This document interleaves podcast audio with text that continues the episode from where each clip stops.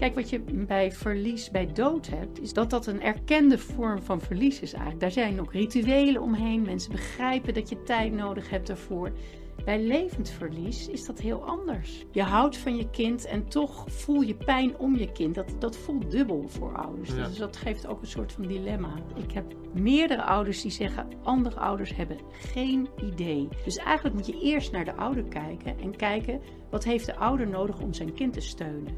Ouders van een kind met een beperking kunnen terugkerende gevoelens van pijn, verdriet en verlies ervaren.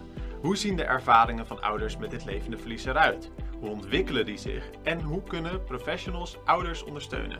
Hier doet Edith Raap onderzoek naar en vertelt over haar bevindingen. Mijn naam is Jelmer Witteveen en dit is de podcast Lessen uit HU-onderzoek. Welkom Edith, fijn dat je er bent. Ja, leuk. Eh, voor we beginnen, eh, ik heb hier te maken met een eh, ervaren podcastmaker, heb ik gehoord. Uh, jij maakt zelf een podcast over dit onderwerp, dus ik dacht misschien is het handig om daar even een stukje van te luisteren. Wij wisten tijdens onze zwangerschap niet dat eh, Jens meervoudig gehandicapt zou zijn, onze zoon. Dat hoorden we toen hij ongeveer zes maanden oud was. Dat was een enorme klap. En ik weet nog dat ongeveer zes weken daarna een collega tegen me zei, toen ik daarover aan het vertellen was in tranen, dus je hebt het nog niet geaccepteerd. Ik heb zo vaak reacties gehoord waardoor mensen in het onbegrip worden geduwd. Mensen die een kind hebben met zware beperkingen, met een chronische aandoening of een partner hebben, eh, krijgen zo vaak de opmerking, of soms zelfs de opmerking niet, maar een blik die suggereert van, heb je dit nu nog niet verwerkt? We maken de podcast om meer bekendheid te geven aan levend verlies. Er is eigenlijk heel veel niet erkend verlies in onze samenleving. En mensen met een beperking is voor mij een vorm van verlies dat lange jaar niet erkend is geworden. Ja, wat een mooie, mooie introductie van, uh, van jouw podcast. Je zegt, um, we maken de podcast om meer aandacht te vragen voor levend verlies. Wat een, uh, wat een mooi doel is dat eigenlijk. Ja, ja, ja. Het is super non-commercieel. Het is gewoon, we moeten meer aandacht voor dit sociale probleem hebben. Ja, dat is ook echt... Uh, het was zo dat de moeder, Odette Stabel, de moeder met de zoon met ernstig meervoudige beperking, die kwam op een gegeven moment tijdens een congres Levend Verlies uh, naar mij toe. En die zei van, zullen we samen een podcast maken? Eerst zei ze, zullen we samen een artikel schrijven? En toen dacht ik van, goh, ja, ik, ik heb er eigenlijk nauwelijks tijd voor. En toen ze zei van een podcast maken, dacht ik, god, dat vind ik eigenlijk wel leuk. Niet wetende dat dat nog veel meer tijd kost. Maar en de, toen zijn we gewoon gestart. Dus we zijn... Uh, we hebben één les gehad van een professionele geluids... Uh, hoe noem je dat? Geluidsman. Ja, technicus. Ja, een technicus. En toen zijn we gewoon maar begonnen. En uh, gaan monteren en met vallen en opstaan. Ja. De podcast gaan maken. En in de tijd dat wij ermee begonnen, was er eigenlijk was de podcast nog helemaal niet zo bekend. Dat zou je nou niet meer kunnen bedenken, want nu is er overal een podcast over. Maar toen was het vrij nieuw. Dus, dus je podcast was er ook voor je onderzoek? Ja, ja, ja precies. Ja, ja. En uh, dus is je onderzoek dan ook voortgevloeid uit de, uit de podcast? Van je maakte deze podcast al? Um, nou, hoe het begonnen is, is eigenlijk dat ik, uh, zoals ik ook uh, in de introductie vertel, is dat ik um, lesgeef ja. aan, um, aan professionals. En ik geef vooral post-HBO-les over ouderbegeleiding.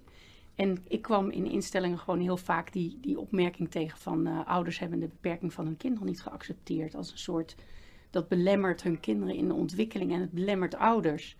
En toen dacht ik van ja, wat, waar hebben ze het eigenlijk over? Wat, wat is dat? Wat moet je eigenlijk accepteren? Hoe werkt dat? En toen ben ik zelf een klein onderzoekje gaan doen. En dus ik heb gepraat met ouders en met uh, oudercoach en met een filosoof en met, met allerlei mensen waarvan ik dacht, nou, die kunnen er misschien iets leuks over zeggen. En toen dacht ik, nou, dit is zo'n onderwerp waar meer aandacht voor mo moet komen. Toen ben ik naar een uh, congresbureau gegaan, het regionaal congresbureau, en heb gezegd van, goh, ik, volgens mij is dit een goed onderwerp. En zij vonden dat ook. Dus sinds 2015 is er elk jaar een congres over levend verlies. En die wordt binnenkort ook weer gehouden? Ja, ja. ja op 10 november is er weer een, uh, een, congres. En dat is heel fijn, want er komen heel veel professionals, er komen ook heel veel ouders. Ja. Ja. Nou, dan weten we in ieder geval ook waarom jij uh, dit onderzoek bent gestart. Dus je kwam de term tegen tijdens, uh, ja, je kwam de term tegen tijdens jouw carrière als docent. Ja, ja ik, ik kwam eigenlijk het onderwerp tegen ja. en, en stuitte pas later op de term. Ja. Ik kwam pas later achter dat uh, Manu Keerse, dat is een, een Belgische emeritus hoogleraar verlieskunde, dat hij daar iets over geschreven had. Ook nog niet eens zo heel erg veel. En toen ik ging zoeken, toen kwam ik erachter dat er uh, in 1962 al iemand was geweest, Ols Hansky. Die had geschreven over deze gevoelens bij ouders met een kind met een verstandelijke beperking. Waarvan hij als eerste eigenlijk zei van het is geen, niet iets pathologisch. Het is gewoon een, een normale reactie op een abnormale situatie. Ja. En het is een gevoel dat steeds terugkeert. bij, bij rouw uh, denk je heel snel aan rouw uh, bij de dood. En, en dit gaat over een ander soort van rouw. En, maar je hebt dezelfde ingewikkelde gevoelens erbij. Bij, bij rouw bij dood, dan, dan heb je ook uh, gevoelens van machteloosheid of, uh, of angst. Of er zitten van alles. En dat is voor iedereen ook heel verschillend. Maar als je een kind met een beperking hebt, of als er iets, iets gebeurt met je kind, waardoor het uh, niet meer zich kan ontwikkelen zoals het normale tussen haakjes pad, dan, ja, dan ervaar je die gevoelens ook. En ouders weten dat niet. Dus die hebben soms het gevoel van, dat, dat komen ze me ook vertellen. Tijdens die congressen kwamen er ook ouders naar mij toe en ook bij, uh, bij de podcast van, goh, ik dacht altijd dat ik depressief was of dat er iets mis was met mij. Terwijl nu blijkt het een normaal gevoel dat, dat soms opleeft en dan weer wat wegzakt en dan weer terugkomt. Ja. ja dus jij zegt het is een normale reactie op een abnormale situatie. Uh, uh, geldt dat dus dan alleen voor ouders die een kind hebben met een beperking? Of kan, zeg maar, kan ik ook levend verlies? Ja, ja. Levend verlies gaat eigenlijk over het rouwen bij verlies van gezondheid. Hè? Hm. En dat kan natuurlijk ook om je eigen gezondheid gaan. We hebben in de podcast ook een gesprek hebben we gevoerd met een, een uh, oud student van de hogeschool hier, Jelle Meeuwissen. En die vertelt over zijn verlies van gezondheid en hoe hij dat heeft ervaren. En hoe hij eigenlijk ook vond dat er te weinig aandacht was voor dat stukje uh, rouw. Want hij zei, heel mijn omgeving was heel erg bezig met mij te helpen en te, hè, positief te zijn en uh, te stimuleren van uh, wat, wat ik allemaal zou kunnen. Maar eigenlijk was er heel weinig ruimte om erbij stil te staan dat ik ook een heleboel dingen niet kan en hoe pijnlijk dat is. Ja. Dus zeker, het gaat niet alleen om uh, verlies ehm, als het gaat om ouders met een kind met een beperking, maar ik ben natuurlijk docent ouderbegeleiding, dus ik richt me met name op ouders. Maar je hebt ook die ervaringen van levend verlies als jij bijvoorbeeld een, een, uh, een partner hebt die gaat dementeren. Of hè, dat gaat ook om de naasten die dit ervaren. En je kan het zelf ervaren, naasten kunnen het ervaren. Ik heb het over ouders die dit ervaren. En heb jij zelf dan voor je gevoel ook levend verlies meegemaakt? Nou, ik, ik heb mijn, bijvoorbeeld mijn moeder die uh, is aan het dementeren. En dat, uh, ja, dat, dat het is natuurlijk fijn dat ik nu snap dat dit begrip er is. Want ik herken heel erg dat ik soms ook uh, geconfronteerd word met gevoelens van verlies. Als ik, als ik opeens merk dat mijn moeder eigenlijk niet meer weet dat mijn vader die dag jarig zou zijn geweest. Dan is dat pijnlijk, weet je wel. Dan denk ik, goh, daar verlies ik niet alleen een stukje van mijn moeder bij. Dat ik denk, god, dat weet ze niet meer. Maar ook een stukje van wat ons gezin was. Hè? Ja. Dat je een soort gezamenlijkheid had die er nu niet meer is, omdat mijn moeder dat niet meer weet. Dus het, het verlies zit niet alleen bij de gezondheid, maar ook bij het leven dat je zou willen leiden en bij uh, nou, ja, de, het gezin dat je had willen hebben. En natuurlijk vinden ouders, nu weer even ouders, daar een vorm voor. En natuurlijk kan je ook uh, heel gelukkig zijn met je kind en een goed leven hebben als je een kind met een beperking. Maar je wordt ook geconfronteerd met dat jij opeens, bijvoorbeeld als jouw kind 16 is, dat jij uh, jongens op straat ziet uh, lachen en zo. En jij gaat weer terug naar je huis om, om de luier te verschonen van je kind van 16. Hè? Ja. Dat, ja. Zijn, dat, dat doet pijn. Ja. En die pijn, die willen ouders dat is gewoon soms ook moeilijk om te voelen, omdat ouders het gevoel hebben dat ze het niet mogen voelen. Dat maakt het extra complex. Dat jij, je houdt van je kind en toch voel je pijn om je kind. Dat, dat voelt dubbel voor ouders. Ja. Dus dat geeft ook een soort van dilemma. Je zit al lang in dit onderwerp, en, uh, maar je bent vorig jaar, augustus vorig jaar ben je begonnen. Ja. Wat ben je in je onderzoek tot nu toe tegengekomen qua resultaten, eye-openers, dingen die je nog niet wist? Ja, um, nou, ik denk door de podcast hebben we natuurlijk heel veel aspecten ook wel bevraagd bij ouders. Hè. We zochten ook steeds naar een andere invalshoek of een andere beperking of een andere thema. Maar wat ik, wat ik eigenlijk in het, wat we, want we doen het uh, gezamenlijk, het is uh, participatief actieonderzoek. Dus dat betekent dat je samen met de mensen waar het om gaat, dus professionals en ouders, zorgouders, dat ik met een klein groepje samen doe met dat onderzoek. En we doen de interviews samen, we stellen interviewvragen samen op, we doen de analyse, bekijken we samen.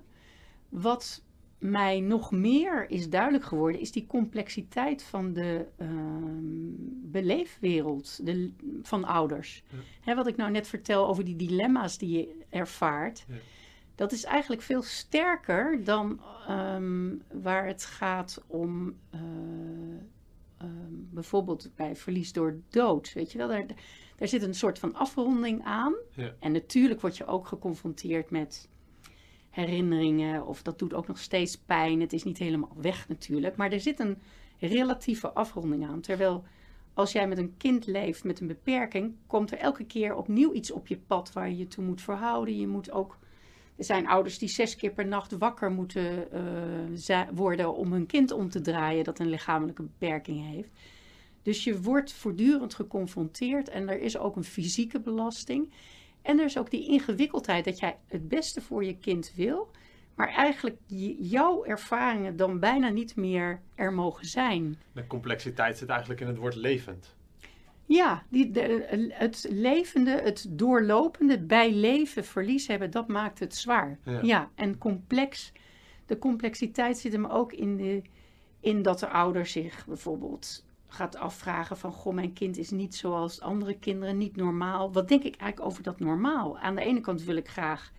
als ouder ben je eigenlijk vrij ehm, conservatief. Je wil dat je kind normaal is, omdat je hoopt dat je kind daardoor een goed leven heeft. Je denkt alles wat, wat een... Uh, belemmering vormt of een obstakel voor mijn kind, dat, dat, dat maakt het leven voor mijn kind lastiger. Dus eigenlijk wil ik dat hij best wel normaal is. Ja, Terwijl je heel vrijdenkend kunt zijn in. Hè, als het niet om je kind gaat, als het om je kind gaat, voel je toch andere dingen.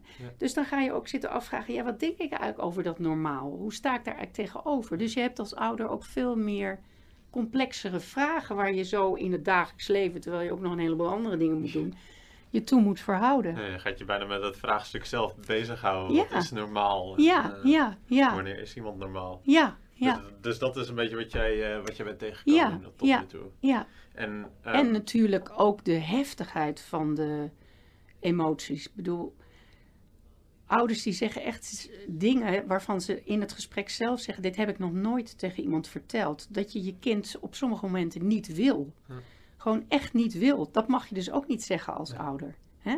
Want je houdt veel van je kind, dus je wil dat ook eigenlijk.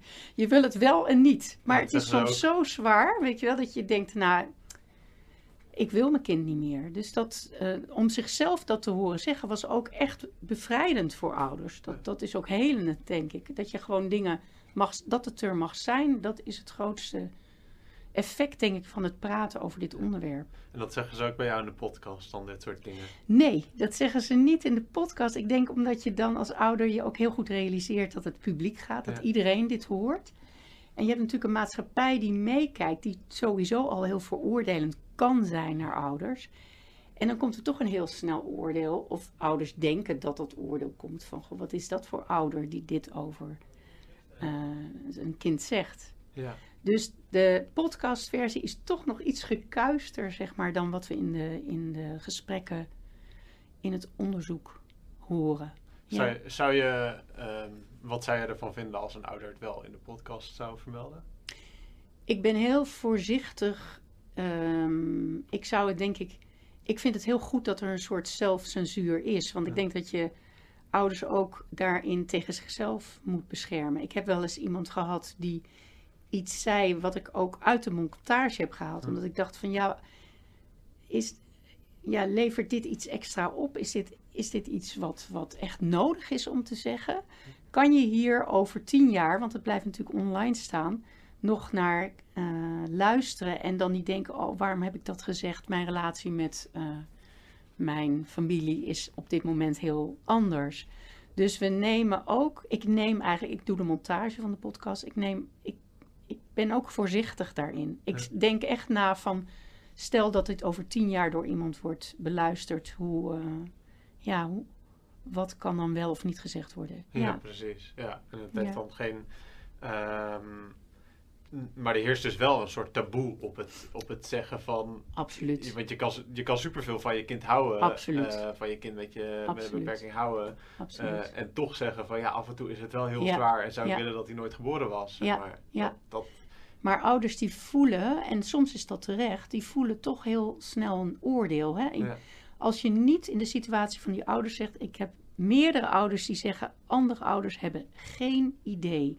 En dat is ook zo als je hoort hoe zwaar het leven is, want dat vond ik toch ook wel heel schokkend om te horen, hoe zwaar het leven is en je gaat daar tegen andere ouders uh, dus iets, iets naars over je kind zeggen omdat je het even helemaal gehad hebt, dan denken andere ouders toch van, goh, en ook denk ik professionals, die zouden kunnen denken, gaat het wel goed met deze ouder en hier in huis? En moeten we niet uh, hier iets gaan doen?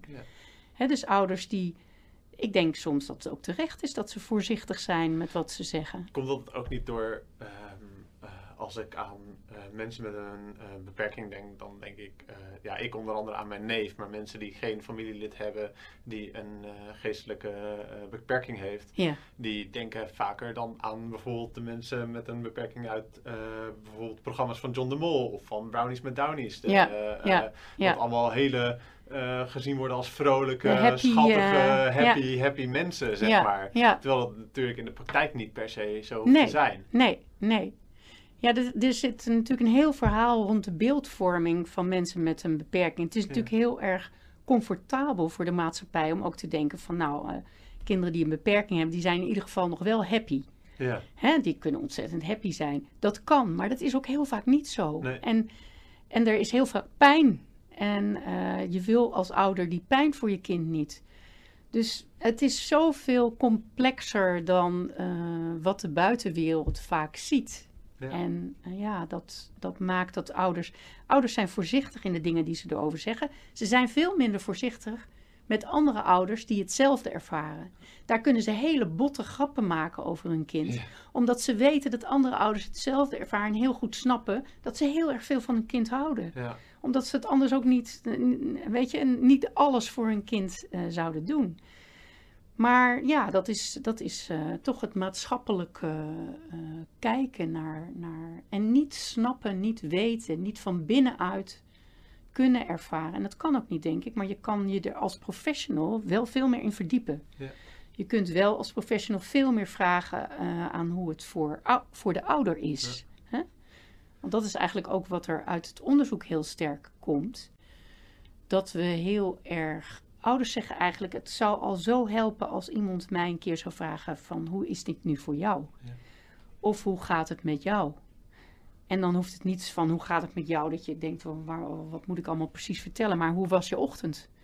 Ja. Dus de, de aandacht voor de ervaring van de ouder, die zouden professionals moeten hebben. Dat helpt al bij levend verlies. Maar de ouder zelf, die is ook heel erg bezig met zijn kind. Die wil ook dat alle aandacht naar zijn kind gaat. En de professional die kijkt ook vooral naar het kind. En die gaat zich niet bezighouden met, of, of maar heel beperkt, met wat, uh, hoe ouder, de ouder dingen ervaart. Ja, precies. Terwijl die ouder ook wel stoom wil afblazen een keertje. Ja, en ja. die kan heel erg, want ik, heb, uh, ik had een keer een verhaal van een moeder die zei van, ik had zo gehoopt dat mijn kind niet in een rolstoel zou komen. En toen werd er een nieuwe rolstoel gebracht. Mijn kind was ontzettend blij ermee. En ik moest me echt omdraaien, omdat ik dacht: oh, het is nu toch gebeurd. Weet je wel? Zij had gewoon pijn. Dus dat loopt ook uit op, uiteen. En je wil ook niet dat je kind jouw pijn ziet, jouw verdriet ziet. Dus je bent in jezelf eigenlijk bezig met allerlei in, ingewikkelde gevoelens. Kijk, wat je bij verlies, bij dood hebt, is dat je dat dat een erkend, uh, erkende vorm van verlies is eigenlijk. Daar zijn ook rituelen omheen. Mensen begrijpen dat je tijd nodig hebt daarvoor. Bij levend verlies is dat heel anders. Nee, en zo is ja. er bij veel meer, uh, denk ik, bij veel meer uh, gebeurtenissen is er te weinig aandacht voor het secundaire trauma van, Ja. van naasten. En, Ja. eh, Zeker, ja. ja. Er zou sowieso veel meer aandacht eh, Ja. kunnen zijn voor wat mensen er omheen ervaren. Want ik ben natuurlijk nu bezig met, vooral met ouders, maar we hebben ook bijvoorbeeld een podcast met een, met een zusje. Hè, de brusjes, de broertjes en zusjes, daar, ja, die ervaren natuurlijk ook van alles. ja. Hè? Daar is eh, heel veel over te vertellen. Ehm, zijn er ook ehm, dingen, ja, obstakels, eh, struggles, uitdagingen die je tot nu toe in je onderzoek bent tegengekomen? Nou ja, we, ehm, we zijn natuurlijk gestart vorig jaar en midden in de corona. Ja. midden in de lockdown. En het is een onderwerp waar je echt met ouders live over wilt praten. Het is zo emotioneel. En er waren op een gegeven moment waren er van die regels van nou, je mag maar met één persoon op bezoek Ja. of helemaal niet op bezoek. Dus dat was wel even zoeken van hoe gaan we dat doen. We hebben ook gesprekken met professionals gevoerd. Dus we hebben uiteindelijk besloten om die gesprekken met professionals naar voren te halen en die online te doen, omdat het toch wat minder emotioneel is. En uiteindelijk hebben we de gesprekken met ouders wel kunnen voeren. Maar dat was natuurlijk, dat was gewoon die coronabelemmering die Ja. denk ik heel veel onderzoekers hebben ervaren. En voor de rest, ehm, ja, gaat het eigenlijk heel eh, voorspoedig. Oh, wat fijn. Ja, ja dus, eh, want we zijn begonnen met, met eh, echt onderzoek naar de ervaringen van, van ouders. En hierna komt een stuk waarin we ehm, binnen een zorgorganisatie ehm, met groepen ouders die daar hun kind hebben ehm, te praten. En met groepen professionals en met groepen ouders en professionals samen over dit onderwerp. Dus dat is het vervolg van het onderzoek. Dus ik hoop dat er niet opnieuw een soort. eh, want dan wordt het lastig met groepen werken als we weer een lockdown als we weer krijgen. op slot gaan, ja. Dat moet niet gebeuren. Nee. En dan loopt in 2024 loopt het onderzoek af. Ja. Wat hoop je dan bereikt te hebben? Nou, ik hoop bereikt te hebben dat we ehm, meer kennis hebben over wat levend verlies is voor ouders, wat dat betekent. Dus dat dat gedetailleerder is en ook eh, meer, dat we meer weten over hoe dat ehm, gevoel zich ontwikkelt bij ouders. Dat. Maar ook natuurlijk wat professionals daar dan mee kunnen. Hè. We hebben daar nu al wat ideeën door, door de gesprekken met ouders. Maar het zou heel goed zijn dat we daar meer eh, handvatten voor hebben en meer ideeën over hebben. En wat ik nu al denk, waar, waar, eh, door de gesprekken met ouders, in de opleiding, in binnen social work, eh, zijn we heel erg gericht op, ehm, we hebben heel erg geleerd, we leren de studenten oplossingsgericht te werken. Wat heel goed is. Dat is, eh, dat. Daar is op zich niks mee mis, maar je merkt dat je ehm, situaties, dat we met situaties te maken hebben die geen oplossing hebben, of maar heel gedeeltelijk een oplossing hebben. Dus dat betekent dat professionals ook veel meer voorbereid moeten worden op het verdragen van machteloosheid. En ik denk dat dat, ehm, nou ja, dat dat een uitdaging is om binnen het onderwijs, binnen het social work in ieder geval, maar ook denk ik binnen, binnen de opleiding logopedie of fysiotherapie, om veel meer na te denken: oké, je kan het niet fixen, ehm, of maar gedeeltelijk fixen. Hoe verdraag jij zelf eh, de machteloosheid die jij zult ervaren, die ouders ervaren, maar die jij als professional dus ook als een soort van parallel proces zult ervaren? Is het maatwerk? Het is sowieso maatwerk. Kijk, rouw eh, is, dat, dat zei ik al helemaal in het begin, is voor ieder individu verschillend. Dus dat maatwerk moet ook bij levend verlies plaatsvinden. Ik denk wel dat het goed is dat we meer weten over welke aspecten spelen mee bij dat. Hè? Dat is ook eh, dat fenomeen zouden we nog meer moeten kennen. Welke, welke punten komen naar voren, zodat je als professional ook beter snapt, oh, daar, daar zou het over kunnen gaan. Of daar kan ik een vraag over stellen. Precies. Het is al heel wat als ouders de term kennen, want dat merkten we ook in het onderzoek. Sommige ouders vinden levend verlies niet helemaal een goede term, omdat ze zeggen, ja, ik wil mijn kind niet als verlies zien, of ik wil het leven niet eh, zien in termen van winnen of verliezen. Maar ik vind, wel, ik vind het wel goed dat er een term voor is omdat er dan iets bespreekbaar gemaakt wordt. En, en uh, ja, het geeft ruimte aan die ervaringen. En als professionals daar een vraag over kunnen stellen, of aan ouders kunnen uh, zeggen van, goh, ken je die term? Heb je, zegt dat jou iets? Dan geeft dat ruimte om over de ervaring te praten. En dat is, denk ik, heel erg behulpzaam. Hoe hebben de ouders uit jouw onderzoek het, uh, het onderzoek tot nu toe ervaren? Um, nou, ik denk dat ze, nou wat ik zei, dat ze het heel fijn vinden om zo uitgebreid te praten. Dat zeiden van, god, dit had ik eigenlijk gewoon willen hebben in de loop van mijn leven. Hè? Dat er iemand, dat we gewoon eens konden vertellen, dat ik gewoon eens kon vertellen over wat er, wat het allemaal met me doet en hoe dat gaat en wat ik ervaar. Het is bijna therapeutisch. Ja, het is bijna therapeutisch. Het is ook heel heftig dat vertelde ik net van die, die gevoelens die je voor het eerst uitspreekt. Emoties waar je echt heel erg bij stilstaat. Dus wat we ook deden na de gesprek is ook opnieuw contact opnemen. En uh, ook wel vragen van, goh, hoe was het nou voor jou? En eigenlijk zeiden alle ouders, het was heel erg fijn. En er was ook één moeder die zei, nou het was echt een omslag voor mij. Het was echt het beginnen na te denken over wat heeft deze hele periode, haar zoon zit nu in een... Uh, in een heel goed huis. Maar wat heeft deze hele periode voor, voor mij betekend? Hoe was het voor mij?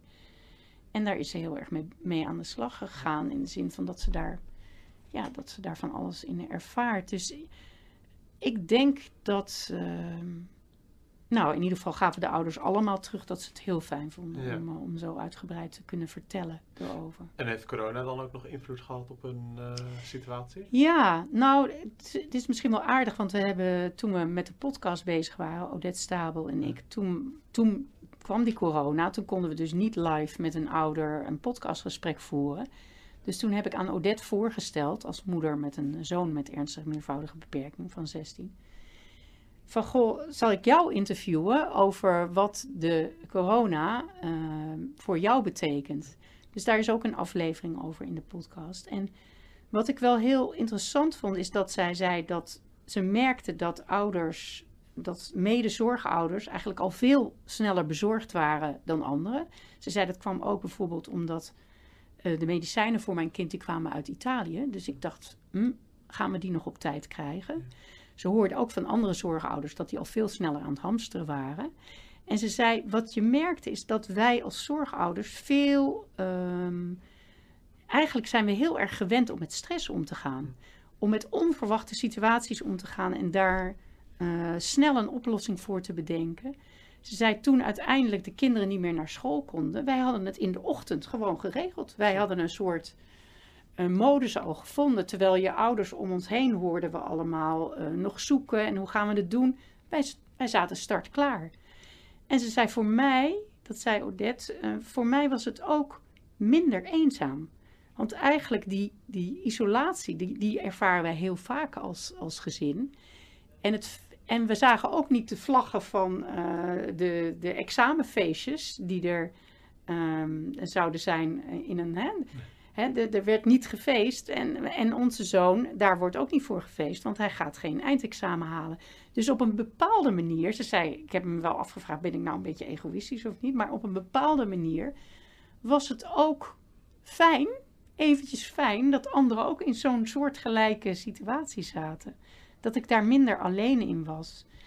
En dat, ja, dat, ik vond dat heel uh, interessant. Ook wel het feit dat, dat ouders heel goed met, met, en niet, ze vinden dat natuurlijk helemaal niet fijn, maar wel, wel beter met stress om kunnen gaan. Hè? Dat je kind opeens een epileptische aanval krijgt en je naar het ziekenhuis moet en daar weer van alles op moet regelen. Dat is de dagelijkse praktijk van sommige ouders. Ja. Dat is voortdurend stress en trauma.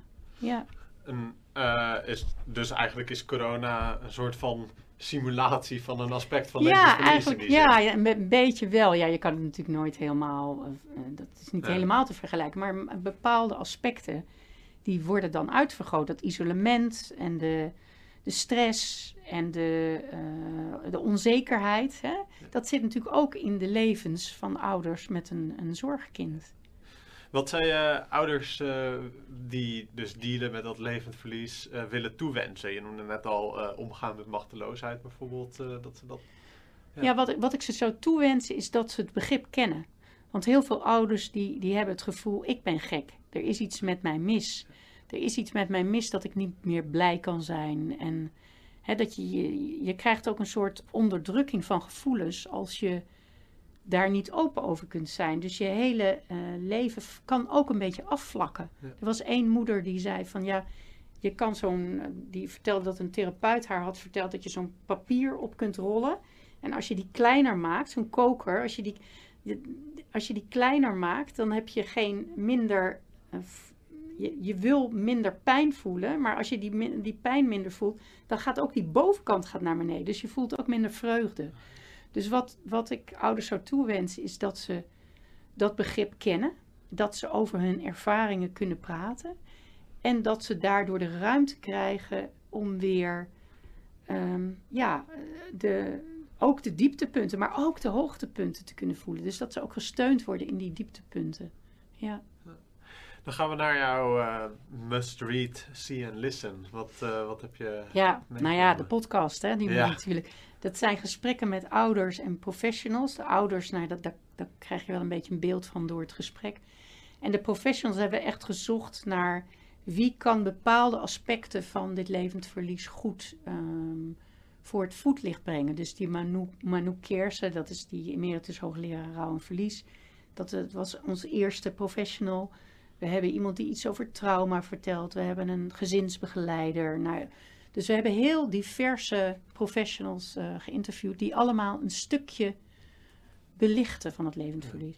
En qua literatuur, er is eigenlijk nog niet eens zo ontzettend veel uh, in Nederland. Manu Keerse heeft daar iets over geschreven. Uh, er is een, een Engels boek, Chronic Sorrow, van Susan Rose. Nee, nee, ik, ik, correspondeer ook met haar, dus dat is heel leuk. Maar eigenlijk is er in, in het Nederlands niet eens zoveel nog te vinden. Dus ik hoop dat, nou ja, naar aanleiding van, van mijn onderzoek, dat er, dat er ook meer gepubliceerd gaat worden. Naar aanleiding van de congressen zijn er wel meer ouderinitiatieven gestart. Dus ouders die zelf uh, over levend verlies met andere ouders praten. En ook uh, is er meer bekendheid gekomen bij zorgprofessionals uh, over dat begrip. Ja, ja. precies. Um, tot slot nog tips. tips voor professionals en studenten hebben we denk ik al even ja. benoemd. Ja. of je moet nog een korte toevoeging hebben? Nou, de, ik Kijk, levend verlies is eigenlijk een, een stukje psychologie van de ouder. Ja. En als je goed met levend verlies uh, wil werken met ouders, dan moet je ook eigenlijk geschoold worden in, in, het, in het oudergericht werken. Dus ik, ik vind het zelf een voorwaarde om hier goed mee te kunnen werken, dat je ook echt goed uh, opgeleid wordt en les krijgt in ouderschapstheorie, maar ook hoe je die theorie kunt vertalen in gespreksvaardigheden, in methodieken. Want wij zijn in onze maatschappij heel erg gericht op het kind. Hè. We zijn een soort, een soort kinderbeschermers eigenlijk. We, wij kijken heel erg naar het kind. En ook als we adviezen geven, kijken we naar het kind. Wat is er met het kind aan de hand? En we geven een advies aan de ouder. Maar de ouder heeft een eigen belevingswereld. Die heeft eigen dingen die hij wel of niet kan. Die hij wel of niet belangrijk vindt. Dus eigenlijk moet je eerst naar de ouder kijken. En kijken, wat heeft de ouder nodig om zijn kind te steunen? En die oude gerichtheid, die is er niet in de maatschappij. Er, is nog heel, uh, er zijn heel veel pedagogiekopleidingen en onderscheidingen. Maar er is geen leerstoel ouderschapstheorie of ouderschap. Terwijl ik denk van, er zijn wel op een paar hogescholen zijn er, die zijn bezig met uh, um, zeg maar oudergericht werk en ouderbegeleiding. Maar en uh, er zijn initiatieven, maar er is veel te weinig kennis bij allerlei zorgmedewerkers, paramedische professionals. En dat is eigenlijk de basis om overlevend verlies te kunnen hebben. En je zegt dus initiatieven. Dan wil ik als laatste vragen, waar, waar kunnen die ouders terecht? Heb je een concrete tip nog voor die, voor die ouders waar ze terecht kunnen als ze vastlopen? Uh, nou, er zijn, er zijn oude coaches, er zijn natuurlijk uh, psychologen. En ik zou ze echt zoeken naar psychologen die dan ook kennis hebben van levend verlies. Ja. Want ook niet alle psychologen hebben dat je, het ligt eraan waar je als ouder mee worstelt. Hè. Je kan ook naar een, een, een, eh, een traumatherapeut gaan. Het ligt er een beetje aan. Ik zou zoeken naar mensen die in ieder geval ook kennis hebben van het begrip levend verlies. Want heel vaak worden nog steeds ouders geduid als depressief. Ja. Of er is iets met de ouder aan de hand. Er is iets, hè, er, er, klopt iets niet bij de ouder. Terwijl de, de, dit klopt allemaal. Alleen het is wel heel zwaar mee om te gaan. Ja. ja. Dat was hem. Ik wil je hartelijk bedanken, Edith Raap. Ehm, ja, dit was hem dus alweer. Ben je benieuwd naar meer podcasts van de Hogeschool Utrecht over ons onderzoek en onderwijs? Luister dan bijvoorbeeld naar Verklaring omtrent gedrag of Sorry voor mijn broertje, het uh, bijzondere levensverhaal van twee Afghaanse broers. Je hebt ook grip op geld of neem gewoon eens een kijkje op hu.nl. Vond je dit een leuke podcast? Deel hem dan vooral met mensen die je kent en uh, laat een review achter, want dat helpt ons uh, de podcast beter gevonden te krijgen. Nogmaals, dankjewel. Edith. Ja, graag gedaan.